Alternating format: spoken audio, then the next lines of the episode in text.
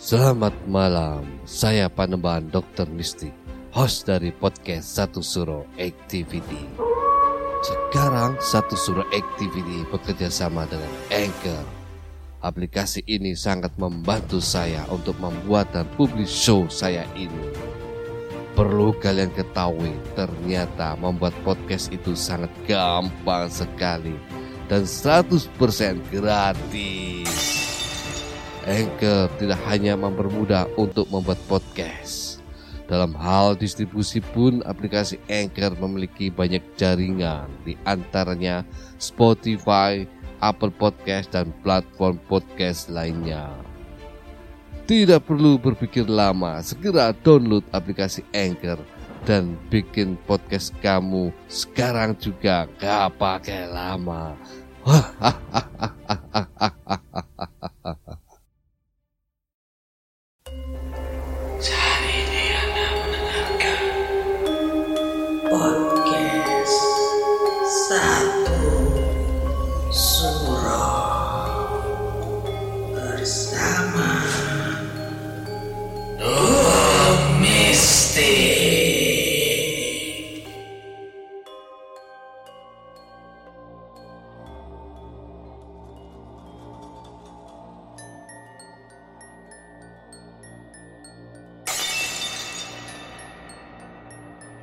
Assalamualaikum warahmatullahi wabarakatuh.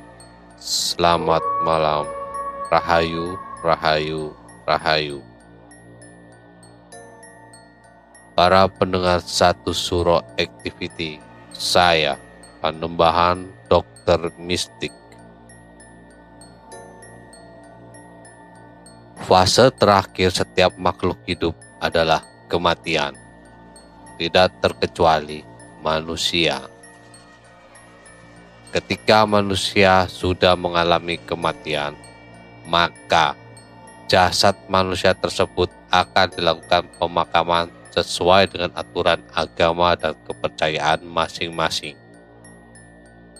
Jika di dalam Islam, setelah dimandikan akan dipocong, kemudian akan dimasukkan ke dalam liang lahat kubur. Ada sebuah mitos, apabila tali pocong lupa untuk dilepas, maka akan terjadi sesuatu.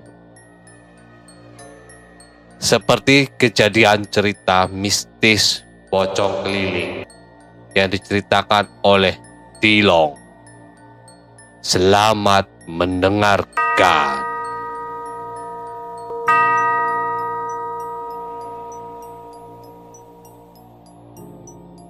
Hai semuanya, di sini aku mau ceritain tentang pocong keliling yang bikin bumi kampungku 10 tahun yang lalu. Tepatnya tahun 2013. Oke, langsung saja aku bercerita. Jadi, di belakang rumahku ini ada makam khusus keluarga tapi makam itu milik tetanggaku yang sengaja membeli tanah ke orang tuaku untuk dijadikan makam keluarganya. Pada saat itu, kedatangan jenazah saudaranya dari Jakarta dan dimakamkan di makam keluarga mereka. Pak Ustadz dan beberapa warga kampungku pun membantu pemakaman jenazah tersebut. Dan saat itu dimakamkan pada malam hari yang pasti setelah maghrib. Ditambah hujan deras juga. Setelah seminggu jenazah itu dimakamkan, banyak warga sini yang melihat sosok pocong, termasuk abangku dan teman-temannya pun melihatnya.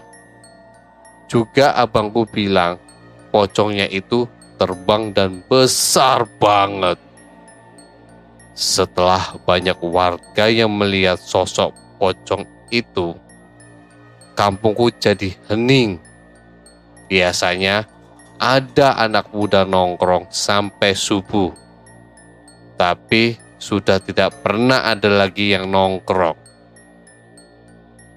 Pocong tersebut pun selama seminggu berturut-turut banyak mendatangi rumah warga. Hampir semua rumah warga, pintu atau jendelanya diketuk termasuk rumahku juga. Setiap pagi siangnya banyak tetanggaku yang berkumpul membicarakan kedatangan pocong tersebut yang membuat mereka resah dan ketakutan. Akhirnya Pak Ustadz pun turut tangan atas masalah ini. Karena banyak juga yang mengadu ke Pak Ustadz. Minta agar diselesaikan. Besok harinya Pak Ustadz ngumumin ke warga. Buat kumpul di masjid dan Pak Ustadz bilang semalam dia ketemu sama pocong itu. Sengaja Pak Ustadz datang ke makamnya karena ingin menanyakan apa yang membuatnya gentayangan. Ustadz pun menjelaskan karena kelalaian Pak Ustadz yang lupa melepas tali pocongnya sehingga pocong tersebut gentayangan karena ingin meminta bantuan warga untuk melepas tali pocongnya. Dan malam itu Pak Ustadz membantu melepaskan tali pocong itu, lalu menyempurnakan kembali agar dia balik ke alamnya. Setelah tali pocongnya sudah dilepas, pocong itu pun tidak pernah mendatangi rumah warga lagi sampai sekarang.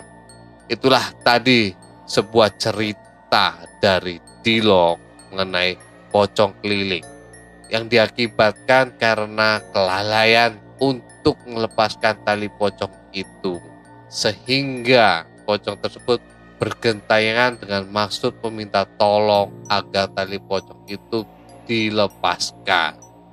Percaya atau tidak, ternyata mitos tersebut telah terjadi. Terkadang apa yang tidak pernah kita pikirkan, yang tidak pernah bisa kita jangkau secara nalar, tetap bisa terjadi karena kuasa dari Tuhan. Kita sebagai umat manusia hanya sedikit mengetahui tentang hal gaib. Para pendengar satu suro activity, tetaplah iling lan waspodo. Assalamualaikum warahmatullahi wabarakatuh. Salam, salam, salam. Rahayu, rahayu, rahayu.